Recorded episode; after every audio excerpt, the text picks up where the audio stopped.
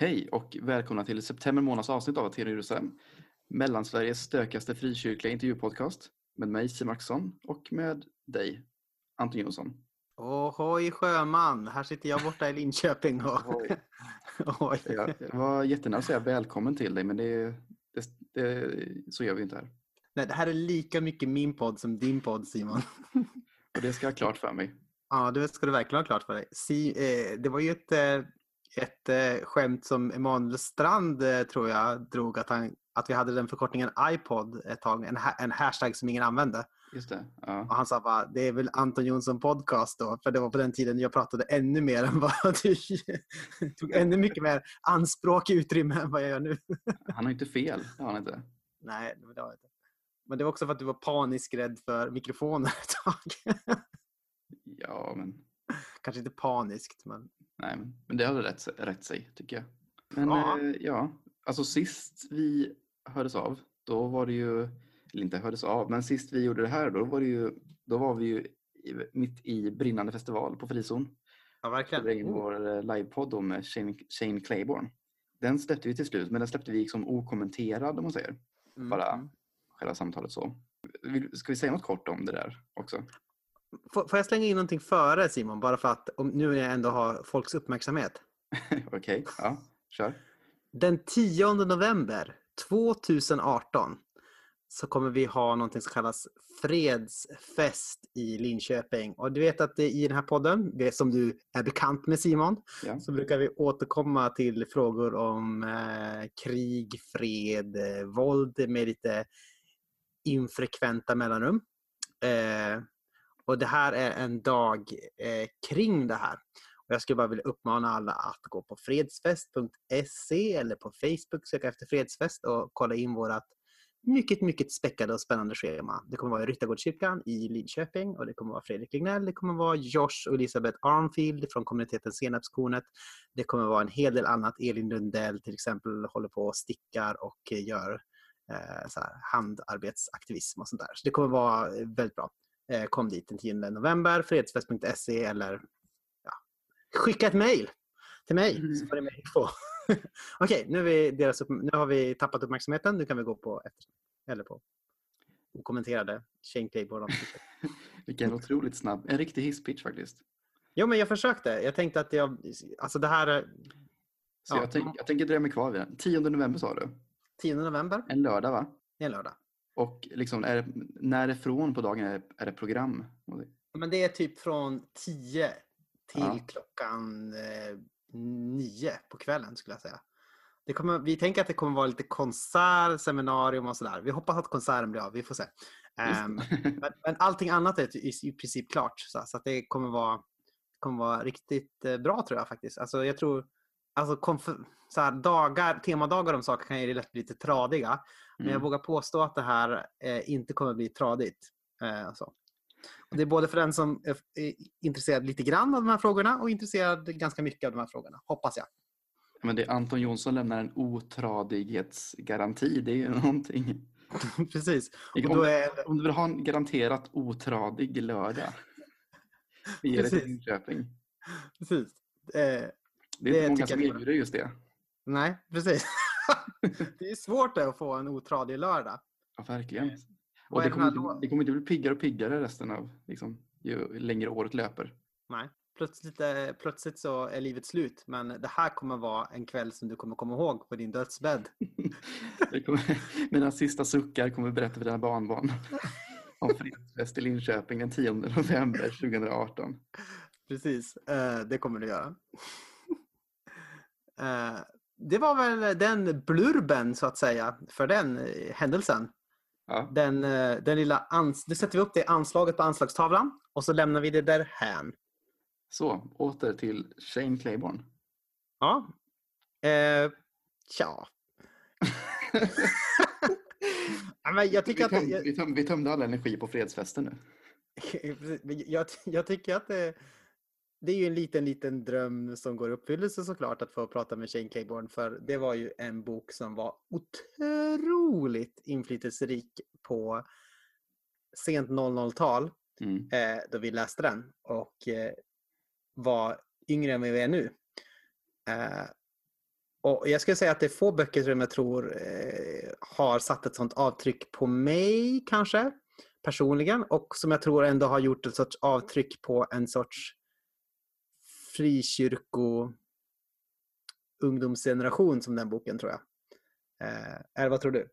Jo, men det tycker man verkligen får ge den för det, det är ju nog en av få liksom, sådana böcker eller, eller, eller personer eller som haft ja, men det, är, det är få som har hängt, hängt med och hållit så länge för min egen del. Mm. Uh, nej, men, nej, men så jag, eh, det var inte en så liten dröm att få göra den här grejen. Och sen det var väldigt, väldigt kul med att träffa honom också. Och, och sen som ni alla märkte då i själva avsnittet, han är väldigt tacksam som samtalspa, samtalspartner. Han bara Precis. slänger ett ämne mot honom, bara, han bara tar bollen och springer. Uh, det, Han är ju, han är ju, han är ju på det sättet ganska tränad i, i, liksom, i intervjuformatet, tänker jag. Ja. Och väl, mm. Så på det sättet blir det ju lite mindre kanske så här pratigt och informellt eh, än vad det skulle kunna bli. Men det blir samtidigt mycket bra content, eller det blir mycket innehåll per mening kan man säga. Det blir väldigt mycket så här, det blir tätt förpackat liksom, bra grejer, tycker jag. Ja exakt och det är lite det som var grejen med att man har, att man har ett samtal på scen då. Det blir ju så. Mm. Vi, vi kanske bara skulle bara satt en mygga på honom och hängt egentligen under, under dagen. Sen så skjutsade jag ju honom, eh, apropå real talk då, så skjutsade jag honom till eh, Stockholm för, och eh, Arlanda. Mm. Eh, och, då, och då hade vi lite real talk. Men eftersom jag är en sån proffsig värld så kommer jag inte säga någonting av det han sa där. As far as Ja, you concerned. Okej, inte- proffs, eh, proffsighet eller ren hyfs, jag vet inte. Det- Precis. Något, något av det är det. Något är det. Men eh, han är en bra kille. Eh, En annan bra kille, ja. den segwayen, är What? ju Mikael Hallenius ja. som vi har pratat med den här gången. Ja. Grejen är ju den att han håller på och skriver en trilogi om tro. Eh, och vi har ju Yes. redan pratat med honom en gång tidigare i den här podden. Så han är ju vår första återkommande gäst. Nästan första återkommande Vänta gäst. nu, vänta. Ja, Fredrik Lignell har kommit eh, två gånger. Fast det är ju, en gång kom han i ett sånt här gruppsamtal, eller ska säga, med, duosamtal med Joel Halldorf. ja precis. Ja, så Mm. blir det ju. Och så sen så har ju Maja Ekström kommit tillbaka två gånger som redaktionsmedlem istället för intervjuoffer. Just, Fast så räknas inte. Då är hon inte återkommande gäst. Då har hon ju, gått i, då har ju liksom blivit uppgraderad till redaktionen kanske. Så det, Ja, det är väl... den utökade liksom, Aten och Jerusalem-familjen. Men det här är den första riktiga liksom, enpersons återkommande eh, intervjun. Det här låter som så här, när man har så här väldigt uppstakad så här, sportstatistik. Ja. Att de här har, inte förlor- har liksom tagit minst en poäng i fulltid under tre månader på bortaplan. Precis. Vad, vad betyder det här? Hur som haver så har jag skrivit den här första delen då som heter Spår av den osynlige om andlig klarsyn. Och nu har vi pratat om hans andra bok i serien, Det överflödande hjärtat om evangelisation. Precis. Det var ju eh, kul. ja, men vi har pratat om den här boken och den handlar ju då som sagt om evangelisation och egentligen kanske vi kommer väl prata om vilken sorts bok det är, men man kan väl säga att det är en sorts eh, teologisk uppfordrande verk kanske. Mhm. Ett, ett, eller som en upp, kanske en, en, en väldigt tunn crossover mellan pamflett, uppbyggelselitteratur och eh, teologiskt verk. Skulle jag säga. Ja, jo men det är någonting på spåren där. För, okay, för Mikael Hallenius är ju då känd för de flesta lyssnare redan då. Ska vi säga något kort innan vi sätter igång det här? Doktor i pedagogik, eh, Just det. jobbar på Örebro Missionsskola. Eh, nej, förlåt. Akademi för ledarskap och teologi heter det Campus numera. Örebro. Campus Örebro. Där finns han. Eh, håller på en del med, jag vågar inte säga, men är det inte, är det inte ganska mycket med församlingsteologi han håller på med? Mm. Och ledarskap, tänker jag. Ja. Låt oss bara ta en liten snabb detur här. Kyrko och missionsstudier. Han är lärare i kyrko och missionsstudier framför allt. Precis. Men också en del annat. Han är ju liksom, han är ju både den här pastor, han är pastor också i Mötesplatsen så han är både pastorala, eh, akademiska och eh, mänskliga. eh, ungefär som en crossover, ungefär som hans bok då skulle man kunna säga. yes. Ja. Allt, knyts, allt knyts samman. Verkligen. Men ska vi lämna det så, så eh, får ni ta och lyssna på vårt samtal med Mikael eh, som vi hade här om veckan. Ja. Håll, håll till godo.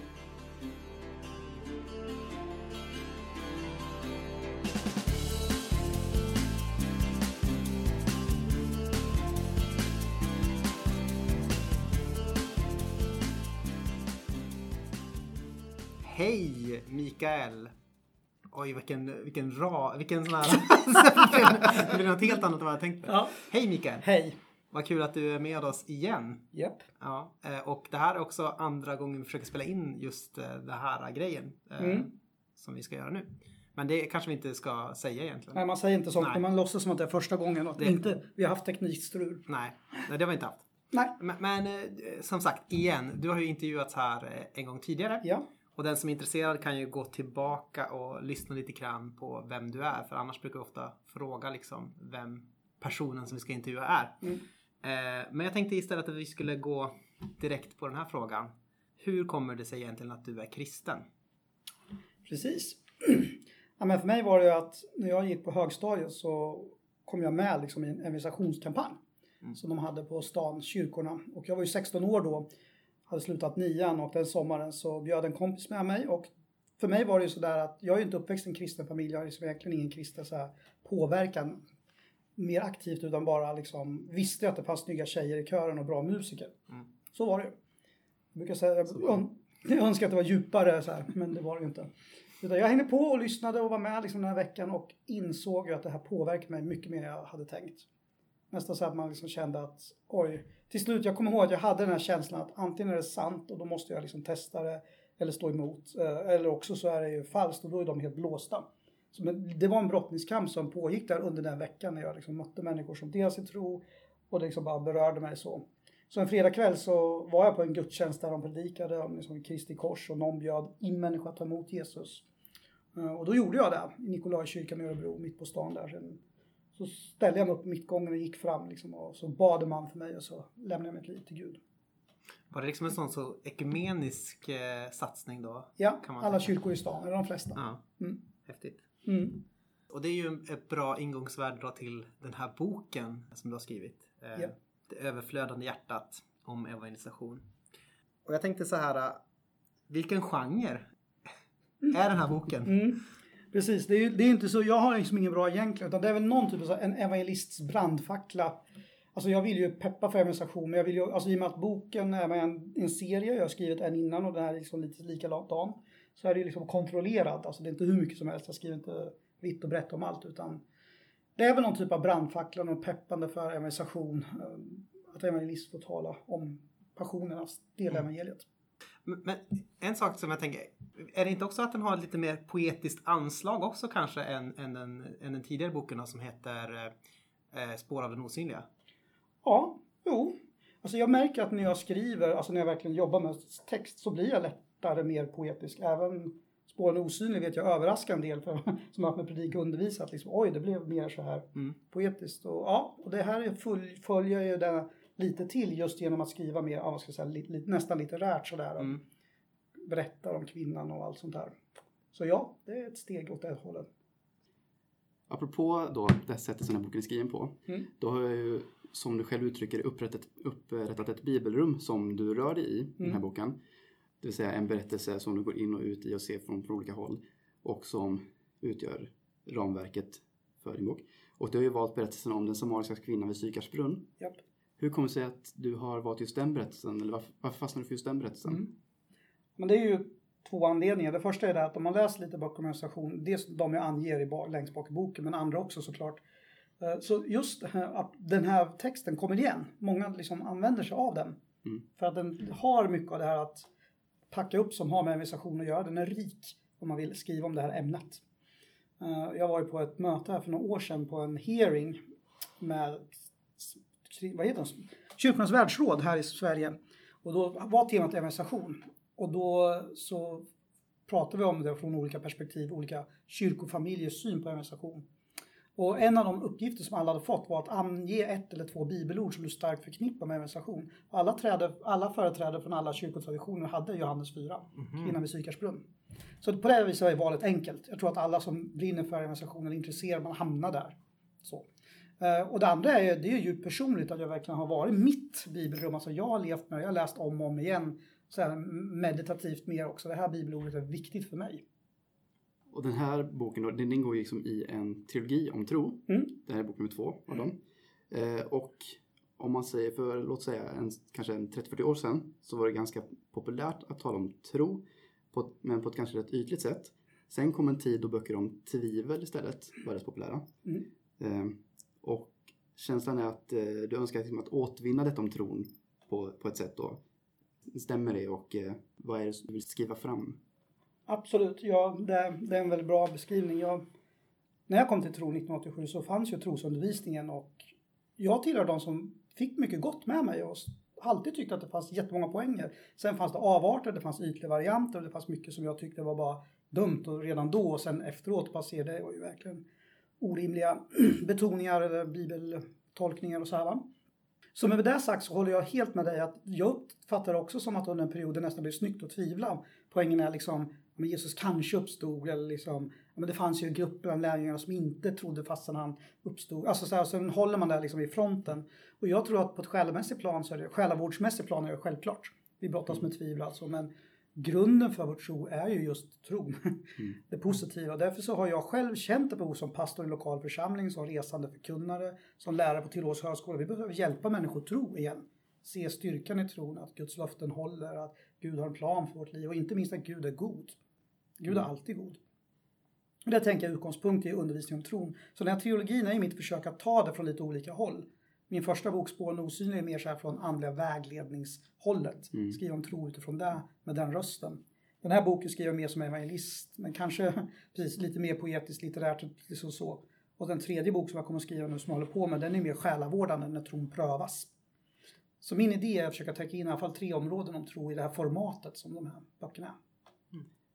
Just det, det är. För, eh, ja, som du säger med, med ett självvårdsperspektiv så finns det, liksom ett, det finns ju det här behovet av att dekonstruera. Men eh, man kanske var kvar lite länge i det. Mm. Eh, och inte liksom, eh, var man dålig på att ge en väg framåt. Mm. Eller, liksom en, eh, eller bygga upp det på ett nytt sätt. Eh, Mm. Det blev ganska... Det kan ju finnas, oh, förlåt, det kan ju finnas ganska mycket kons, liksom poserande i det att jag är en sån Oh, ja. som håller på och dekonstruerar Mm. och sådär. Så, och det är ju alltså det är banalt eh, i, i ett långt perspektiv att hålla på och dekonstruera Ja. bara. Mm. Mm. Nej, så jag är ju själv, om jag skrapar på ytan i mitt eget projekt och försöker hitta rottrådarna, så en grej är ju för mig att jag förknippar ju tro med mission. Alltså de måste hänga ihop, alltså tro för mission, missionell tro, missionstro. Så alla rörelser som har förlöst större missionsengagemang och satsningar har ju det gemensamt att det är väldigt trostarka rörelser. Typ så. Eh, det här är ju en bok om evangelisation som sagt. Det Ja. har vi sagt några gånger. Mm. Eh, och och du, du, du beskriver att vi alla befinner oss, om man läser liksom Johannes evangeliet, i en kosmisk rättegång. Ja, Precis. Och där är vi vittnen. yes. Men nu hade jag tänkt att i den här rättegången så ska jag ta på mig rollen som djävulens eh, försvarsadvokat. Lite grann. Mm. Eh, som Jag gjorde personlighetstest där jag fick den karikatyren, jag fick den typen. eh, Jag vill bara- Djävulens advokat. Ja. Men du har väl kallats, jag har för mig att du har sagt någon gång att du har kallats demagog av din Ja, högsta ja, så, det, så det är något här, det är, vi är på något, det är något viktigt här. Ja. Eh, Men Dietrich Bonhoeffer, han har ju eh, i hans brev från fängelset, Mm. Motstånd och underkastelse, eh, så har han skrivit ett litet doptal. Mm. Jag tänkte citera från det. Vår kyrka, som dessa år har kämpat för sin självbevarelse som ett självändamål, är ur stånd att vara bärare av det försonande och förlösande ordet till världen och människorna. Därför måste de gamla orden bli kraftlösa och förstummas. Och vår kristendom idag kan blott bestå i två ting. Att bedja och göra det rätta bland människorna. Allt kristet tänkande, talande och organiserande måste födas på nytt ur denna bön och detta handlande. Och då är min fråga så här.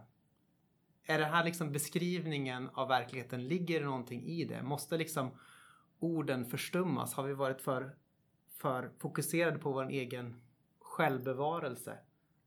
Och liksom måste vi på något sätt bara be och göra det rätta och sen så hoppas att orden ska födas på nytt igen.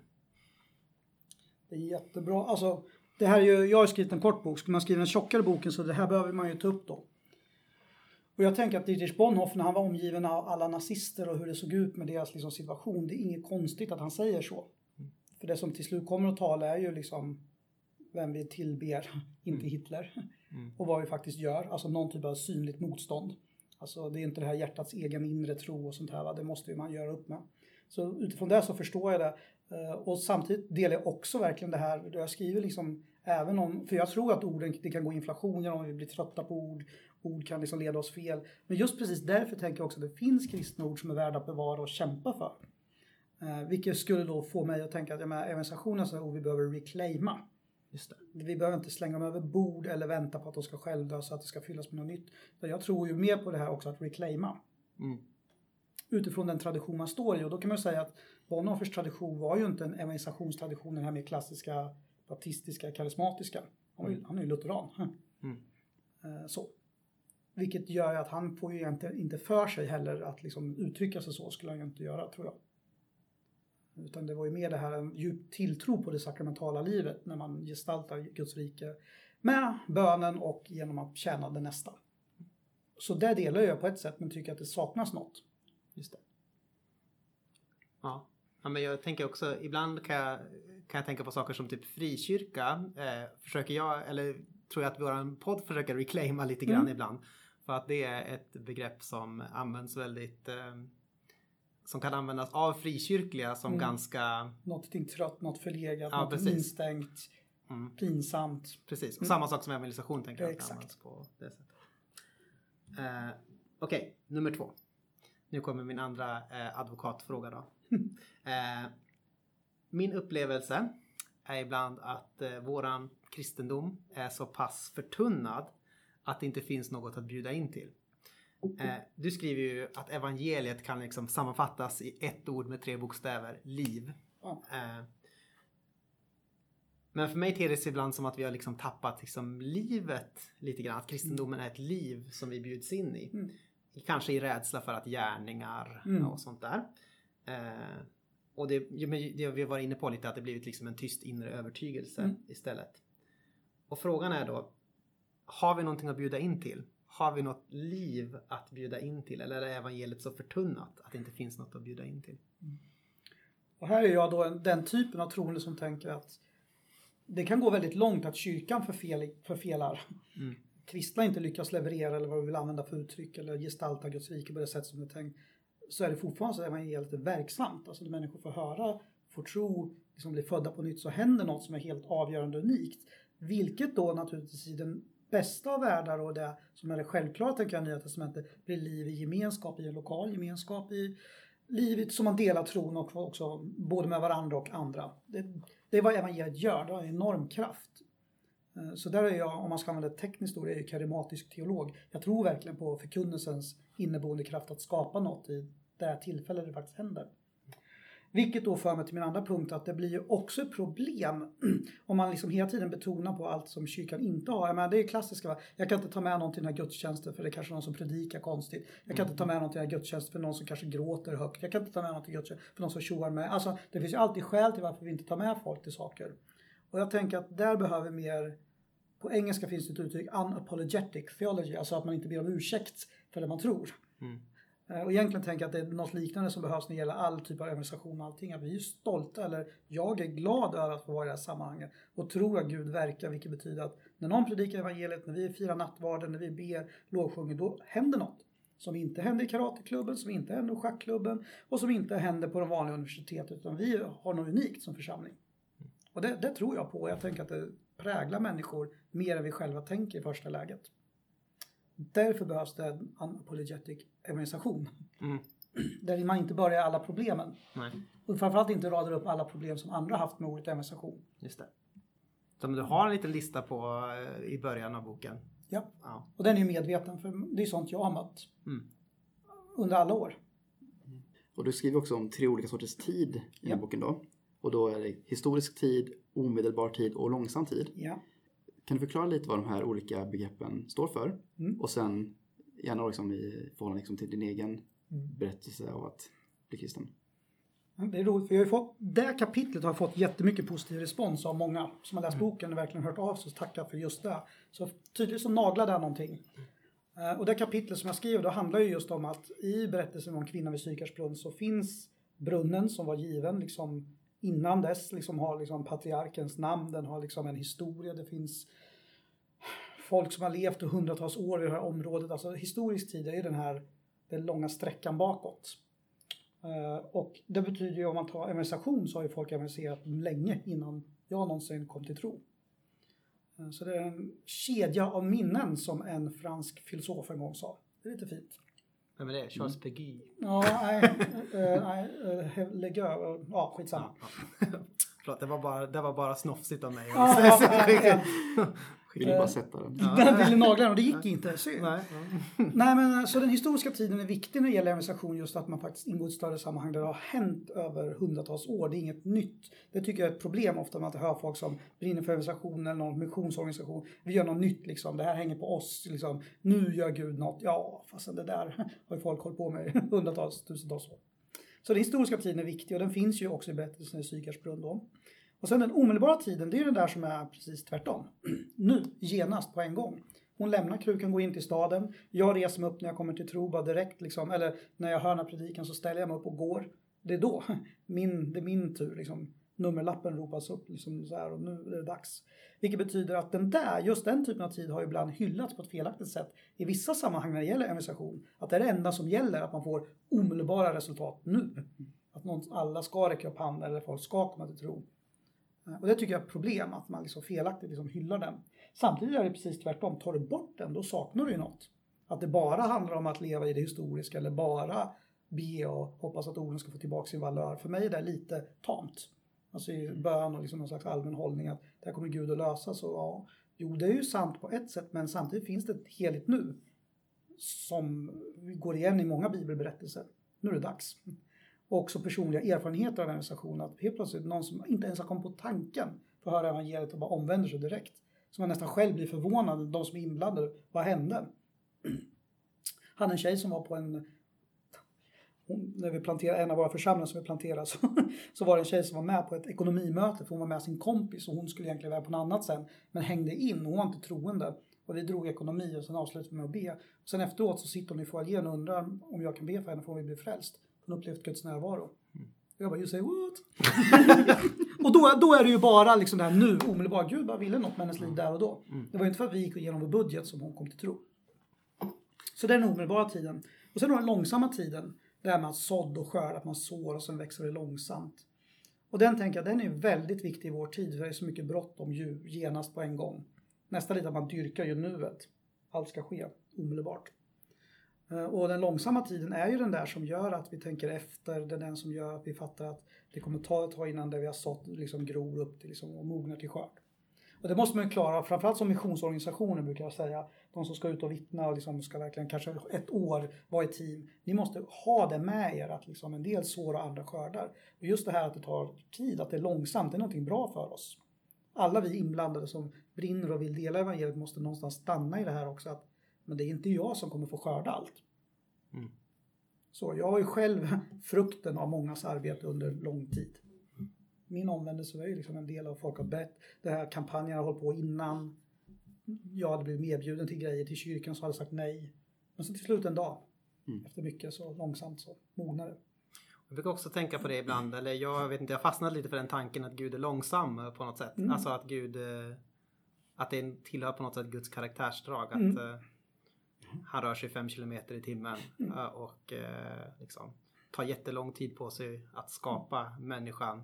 Om man då ska tänka eh, mer evolutionistiskt. Ja. Och att han tar att han tar lång tid på sig innan det är tiden, liksom nu är tiden, Mm. eh, Kairos för Precis. Jesus Kristus och Mm. sådär. Det var ett tag innan liksom, Ja, det var- jorden skapades och till Kairos. Och där har du ju nu och Ja, den historiska tiden. Precis, men det, det är liksom spännande på något Mm. sätt att det bara helt plötsligt så kommer, det är massor med knådande och helt plötsligt är det genomsyrat Mm. liksom. Eh, Mm. Och då tänker jag god evangelisation räknar med alla tre. Ja, som lika självklara. Och ju, tar du bort någon så får du problem väldigt fort. Både som enskild person, som organisation, men också med din teologi. Den blir ju skev.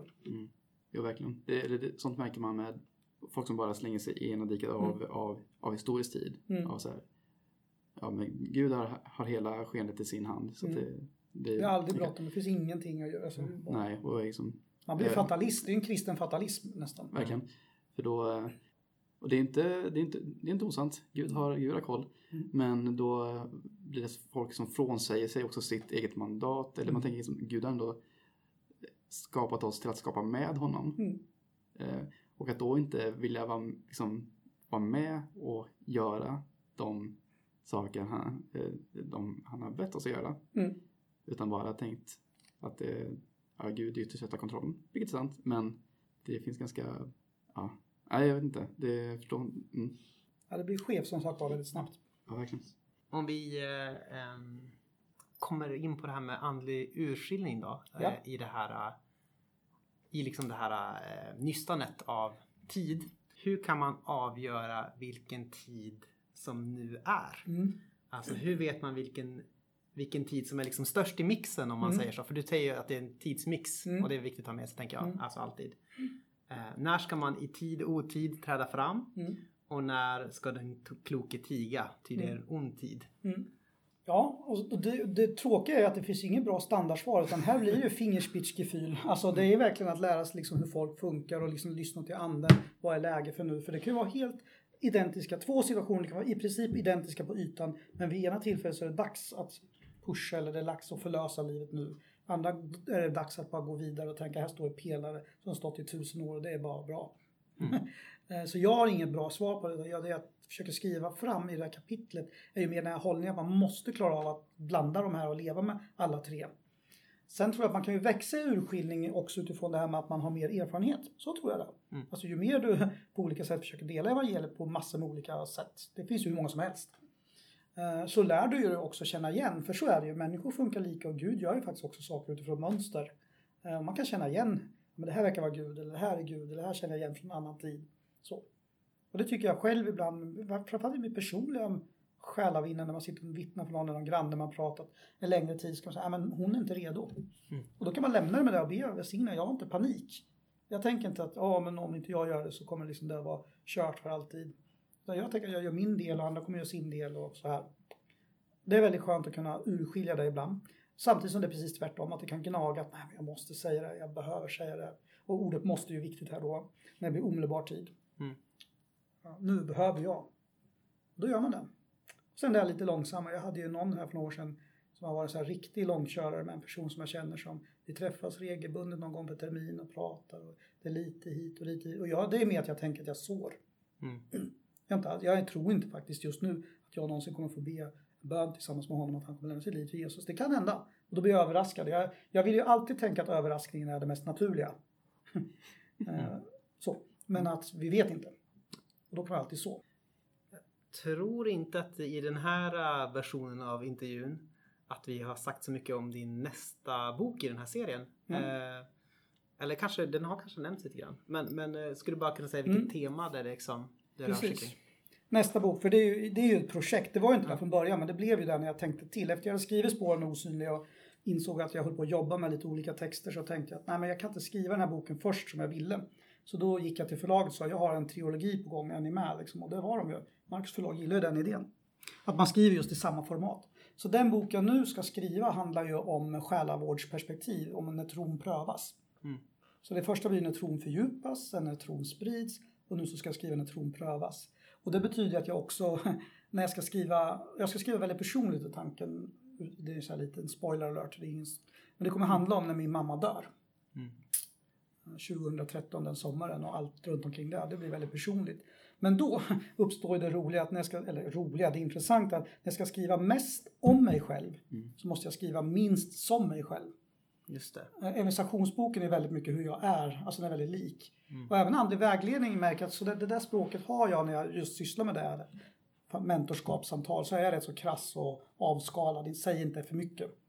När jag får stå i en lada med 5000 då predikar jag ju sådär eller vill inspirera för min evangelisation. Då låter det som i det överflödande hjärtat. Eh, Men den här sista boken nu, den är ju, kommer att vara mer själavårdande.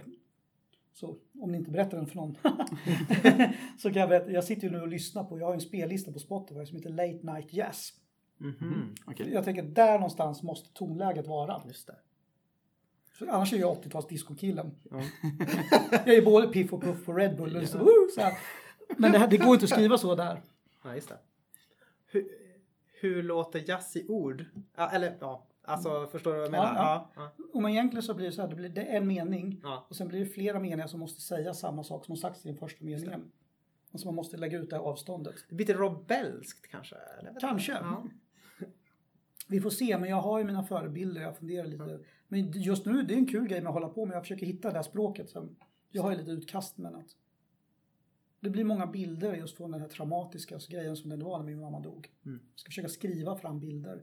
Så den kommer jag antagligen ännu mer poetisk till slut. Jag känner- Det är ju däråt jag är på väg. Finally comes the poet. Som Precis. mm.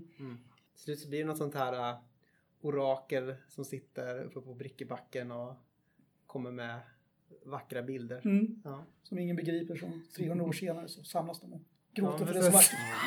Ja, eller också kommer jag... eller också så gör jag inte det. Vi, vi, hoppas på det första alternativet. Vi ska snart runda av tänker jag. Och som sagt, du har redan varit med här en gång. Mm. Så vi har redan presenterat dig och också du har redan svarat på vår första standardfråga. Som är Vem är Jesus? Så nu tänkte jag fråga dig, vem är den helige Ande? Ett av mina absoluta favorituttryck. Och det kommer från, jag tror det är Bengt Johansson som har det i en av sina lovsånger. Anden är vinden från en annan årstid. Just det. Det låter jättekant Mm. Jag älskar det. För det, det har jag med säsonger, det handlar om liksom att det är närvarande men också ta någonting in. Så vinden från en annan årstid tycker jag nästan, det går inte att säga det vackrare än så. Mm. Sen har jag jättemycket predikningar och skriver massor om anden och för mig blir det, det är väldigt mycket att den här kombinationen av kraft och sanning. Anden är både sanningens ande och kraft. För mig hänger de också djupt ihop. Att den helige ande uppenbarar Kristus som sann Gud, sann människa. Eh, Men också kommer med kraft som förvandlar våra liv och bryter in i omständigheter och bara skapar nytt. Men just det här att det är vinden från en annan årstid, för mig är det oerhört viktigt. Och sen tänker jag att jag är väldigt karismatisk i min grundhållning. Jag älskar ju nådegåvorna, tungotal, driva ut demoner, rubbet. Så för mig är ju också anden en arbetskompis. Så ska göra de här grejerna, då behöver man en helig ande. Det räcker ju inte med att ha positiv attityd och kavla upp ärmarna. Måste ju ha anden för att göra det uppdraget. Man blir överraskad hur mycket man kan eh, uträtta med positiv attityd. Mm. Eller inte. Ja, jo, men i köttet kan man göra. Nu har det varit snyggt för det kommer, ifall vi hade kommit ihåg vilka du föreslog förra gången. Men vi undrar än en gång, vem tycker du att vi borde intervjua framöver i Antien och Jerusalem? Det kanske har hänt Ja. nya saker sen sist. Ja, det har det. Jag, jag, jag, kan, vara- jag har alltid listor på folk som jag tycker är kul. Sådär. Ja. Eh, en som jag gjorde bibelstudien ihop på Torp med Maria Karlsson. Fantastisk kollega, medkämpe i Kristus och vän. Och oerhört mycket att ge när det gäller mångkulturalitet, kristen tro, skärningspunkter mellan kultur, religion. Oerhört skarp, jättebra. Mycket bra namn för er podd, tänker jag. Maria Karlsson. Bra. Skriver ner det. Mm. Metaforiskt. Mm, jag, jag säljer in det stenhårt. Ja. Ja. Men då säger jag att det är bra så. Fint att du ville träffa oss igen och med här. Och det verkar som vi får anledning att liksom göra det här en, en tredje gång framöver. Om vi ska hålla i det här så måste vi det. Sen kan man skita i det. Men... Sen kan vi lägga, sen kan, sen, Du måste sen kan vi verkligen lägga ner det du här. måste efterforska det här franskan som jag egentligen inte kan för att se Mm. hur man säger liksom tre gånger igen eller något sånt där. Någonting vad man nu Mm. ska säga. Du får ta den gången då. Ja, Ja, precis. Mm, Ja. men som sagt, eh, stort tack igen för att du var med oss. Tack så mycket.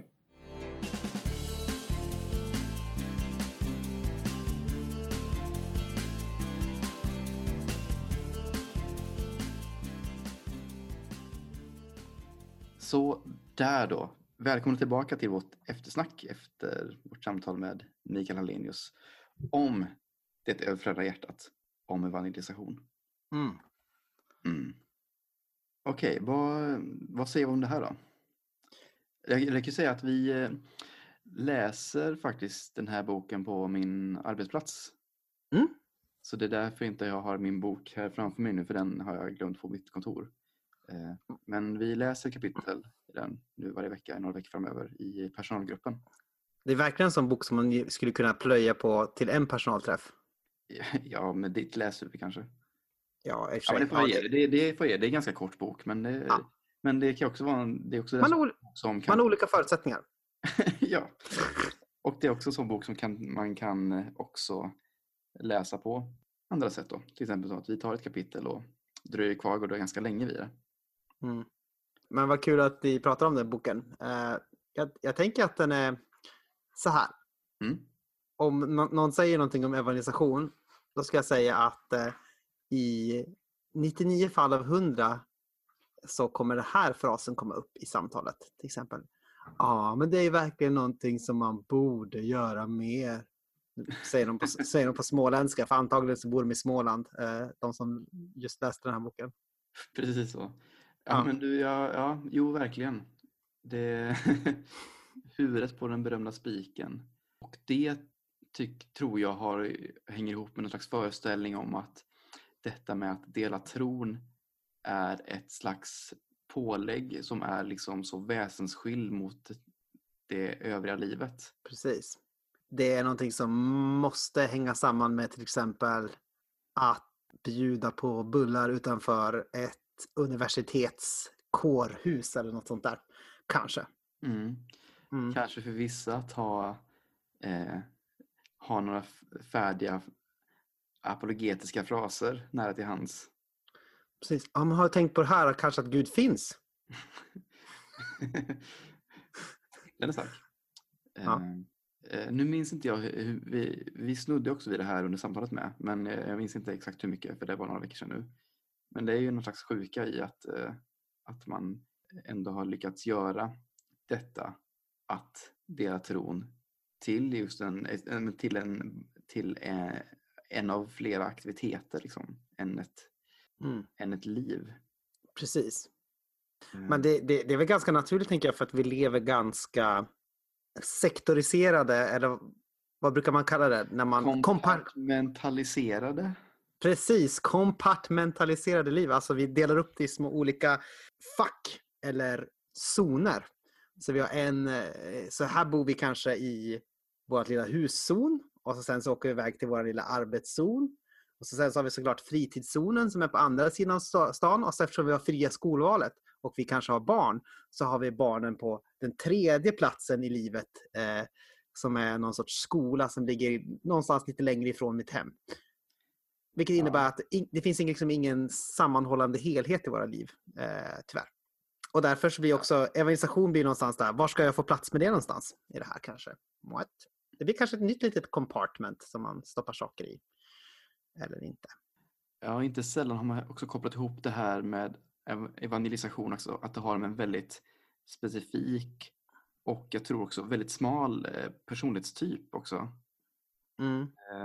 Att man tänkt, man ser framför sig den här väldigt talföra personen som är väldigt utåtriktad och som eh, var som helst kan gå runt och ta ett rum med, säk, liksom med, eh, med någon slags pondus tala ut sin tro. Nu kommer jag utföra ett... det här är ungefär lite som ja, motsvarigheten till när den här, liksom, den här när man brukar säga, fråga den om du tror på Gud? "Ja, Alltså jag tror inte på en gubbe på ett moln. Ooh. Ja, men jag tror på något. Och att, that's some content. yes, och jag tänker, det är ungefär, ungefär lika eh, liksom, för grejen är, det finns, ju, det finns ju ingen som tror på den bilden. Precis. Ja, och sen tänker jag att lite som med den här, att, att, den här, att den här personen, den här som, som man målar upp när man tänker på personen som sysslar med evangelisation, att den också ganska, den är egentligen så ganska så smal att den finns knappt den heller. Precis. Och, och här, här skulle jag vilja fylla i, nu ska jag vilja eh, säga en liten hädelse i, i våra tider. Okej, händelse alert, vi kör den jingeln på. Pa, pa, pa. Kan man inte få in den här liksom den här trafikinfo-ljudet liksom? som avbryter allting. Ah, ja. hur, hur som helst, det jag tänkte säga är ju att eh, i våra tider så har det blivit nästan en form av religion med de här eh, omgivna av idiotboken med de här eh, fyra Ah. färgerna eller vad det är. Det. Mm. Blå, röd, gul och ja, vilka är det nu är? Ja, grön. Ja. Eh, Det är någon slags populär psykologisk bok som förstått det som delar upp typ hela mänskligheten i fyra väldigt eh, tydliga då, eller färger då. Precis. Och, det är, ju- Färger bär på olika egenskaper. Eh, och de, det, det är ju, precis, då är det, finns det vissa som är liksom så här röda och så här, ma, eh, lite drivna, visionära, kanske inte så inkännande och sådär. Sen så delar man upp i hela mänskligheten i de här fyra färgerna och så sen så säger man, ah, vilken färg är jag? Ja, men då är jag som här. Oj, nu förstår jag mig själv så mycket bättre och nu när jag ser att du är en sån här person, då vet jag precis hur du fungerar. Och sen så råkar det bara vara så problematiskt att det här inte har någon egentligen bas i samtida psykologisk vetenskap utan är me- mer som ett, litet, ett gytter av åsikter från 20-talet som man har gett lite ny branding. Eh, sådär. Mm. Och på samma sätt skulle jag vilja säga att problemet som vi har i, i frikyrkan det är också att vi har, eller många kyrkor kanske, att vi har våran motsvarighet till de här fyra gåvorna, mm. eller de här fyra färgerna, det är ju tjänstegåvorna. Ja, just det. Mm. Här, apostel, herde, lärare, profet. Mm. Det, och då, då, ska man, då kan man dela in liksom mänskligheten i de här fyra. Och så säger man så här, men apostel, det är en sån här äh, häftig entreprenör som är ute och bondar med människor. Och wow, evangelisten är en sån här som inte orkar bry sig om och ta hand om folk utan är ute och bara wow, vinner själar för Kristus och sådär. Och herden, det är den här lilla tönten som är hemma i församlingen och ser till att alla är med på tåget. Och så, om vi bara skulle kunna få lite fler herda eller lite fler apostlar och evangelister, kanske profeter och lite mindre av de här töntiga herdarna och lärarna. Vilka töntar de är. Och så sen... Det, det, det man, det man, Exakt så här går samtalet. Ja, men lite så brukar det bli. Ehm, ehm, problemet är att de här är otroligt schematiska bilder. Det finns absolut inget skriftstöd i Bibeln över att det skulle liksom binda fast vissa egenskaper till de här titlarna. Utan apostel innebär ju i princip bara person som har mött den uppståndne Kristus och är sänd att berätta om honom. Typ. Eh, om, man, om, man, om man tänker bara rent bibliskt. Det finns ingen, så här, det finns ingen så personlighetsbeskrivning av det. Men det, grejen man gör med det här är att man då förstärker vissa personers drag. Så här, att jag säger så här, ja, men jag är en evangelist. Så det betyder att jag inte behöver ta hänsyn till folk utan jag ska vara ute och, liksom, jag ska vara ute och inte ha tålamod. Och sådär. Och sen så förstärker man, förstärker man ett drag som är positivt, att människor vill nå ut med evangeliet. Och så förstärker man ett negativt drag, att man inte tar hänsyn till folk. Eh, och sådär. Eh, och, och, och, eh, och samma sak gör man då med, med, med, med alla de här personerna. Då, en herde. Så här, ja, men jag är ju en herde. Så här, jag kan ju inte berätta om Jesus. Så här, det är ju evangelistens uppdrag. Jag är ju här bara för att se till att alla har det mysigt och ombonat. Och det här är bara skit. Kan vi inte bara släppa de här, eh, gåvorna, eh, de här, de här tjänstegåvorna och bara säga så här att kan vi inte bara sluta ha liksom så här massor med personlighetsbeskrivningar kopplade till de här som inte har någon bas i någonting utan som jag tror egentligen bara är att man populariserat, tagit den här populariserade popvetenskapen eh, och liksom tryckt in det på, de här, eh, på det bibliska materialet. Låt oss bara slippa det och säga så här. Alla är kallade att dela evangeliet på något sätt. Alla är kallade till att vara hänsynsfulla och ödmjuk, ödmjuka. Så. Och vi kan göra det på lite olika sätt beroende på om vi är såna här extroverta personer eller introverta eller vad vi nu råkar vara för värta. Eh, någonting. Ambiverta. Ambiverta.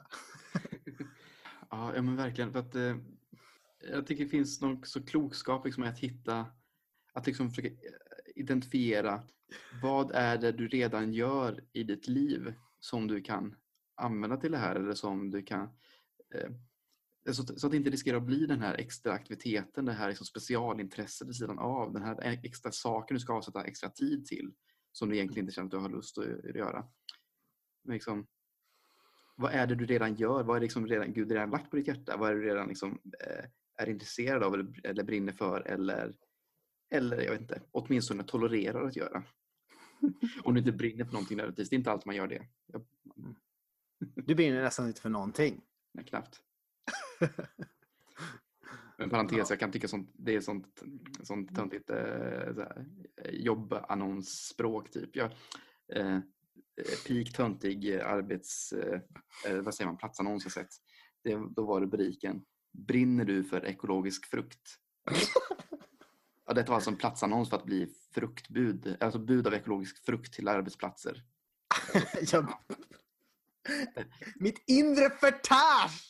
Alltså jag sökte inte, men jag vill ju veta vem det var som sökte och fick det här. För jag, vill, jag är så nyfiken på vem här omkring som brinner för ekologisk frukt. Som är he- hela, hela varelse liksom bara förtärs av längtan efter att konsumera ekologisk frukt. Att, att dela ut ekologisk frukt. Och jag, kan inte, jag, kan inte, kan, jag kan inte cykla fram fort nog till de olika arbetsplatserna och dela ut ekologisk frukt. Det överflödade frukthjärtat. Palmhjärtat.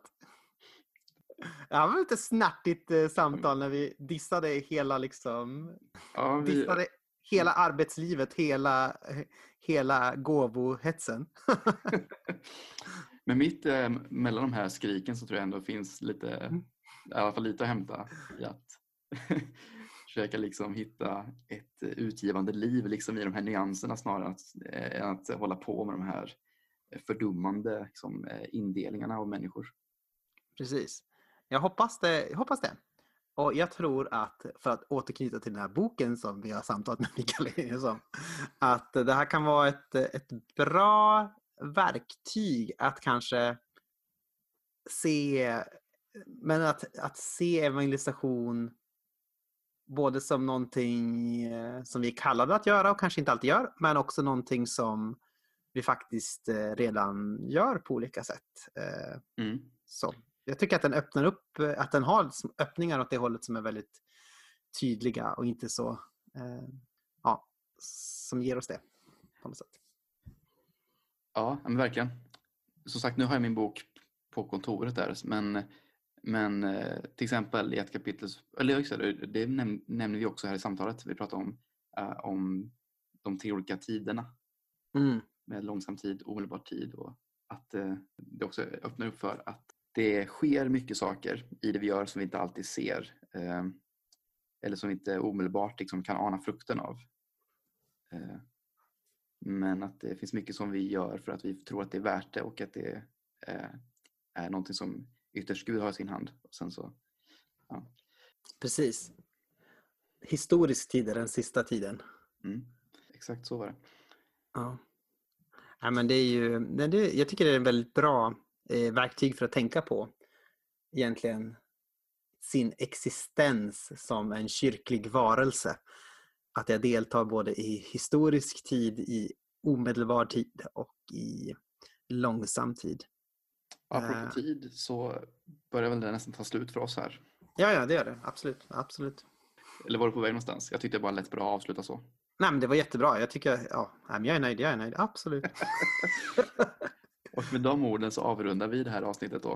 Eh, och som vanligt glöm inte bort att gilla oss på Facebook, följ oss Mhm. på Twitter, gilla, Ja. dela, ranka, prenumerera, dela vidare, tipsa en vän, skriv ett brev, skicka ett mejl. Ge oss pengar för all del. Ja, det kan du göra. Simon, Anton? jag kommer att tänka på det. Gudrun Schyman hade ju såna här feministiska eh, eh, huspartyn eh, förra valrörelsen. Kommer du ihåg det? Ja, precis. Eh, att man kunde, ifall man fick ihop ett litet gäng så kunde man hon komma och ha någon slags, jag vet inte, någon slags föreläsning typ. Ja, typ något sånt. Tänk om vi skulle ha haft, det här är bara en idé som jag inte vet, eh, som jag bara slänger ut nu. Men tänk om vi skulle ha typ eh, eh, teologiska huspartys. Om man är tio stycken, samlas i Krokom och Aha. bjuder in oss, så kommer vi och så sen så bjuder vi på te pratar. Oj, wow. Jag vet, inte om det här kom, jag vet inte om det här kommer hända, för att det kanske inte finns den budgeten. Och förresten, Ja. jag vet inte om det finns den budgeten, eh, men det skulle vara kul. Men det finns en anledning, men då kan ni ge mer pengar till oss. För till exempel den här resan till Örebro eh, som jag gjorde, eh, Ja. den finansierades av er patroner. Eh, ni som har skänkt pengar och beskyddar den här podden med ert konstnärliga älskvärdhet. Eh, och om, ni skulle kunna, om, om fler skulle kunna bidra, kanske vi skulle kunna göra såna här teologiska house parties i Krokum och i, eh, i um, Översiljo och sådär. Det vore ju, ja, för all del, eh, ge oss pengar så kan vi åka tåg. Fatta, tror du folk skulle vara missnöjda om vi använder deras pengar till att åka runt över landet för att ha, bjuda på te och sådär? Eller prata? Nej, inte så länge det blir content. Nej, precis. Det kan bli content. Content is king. Precis. Content som vi sociala media savvy people pratar om här. eh, Som kan rätt mycket. Så där, nu har nog alla stängt av. Precis. Då tackar vi dig som är kvar. Hej då. Hej då.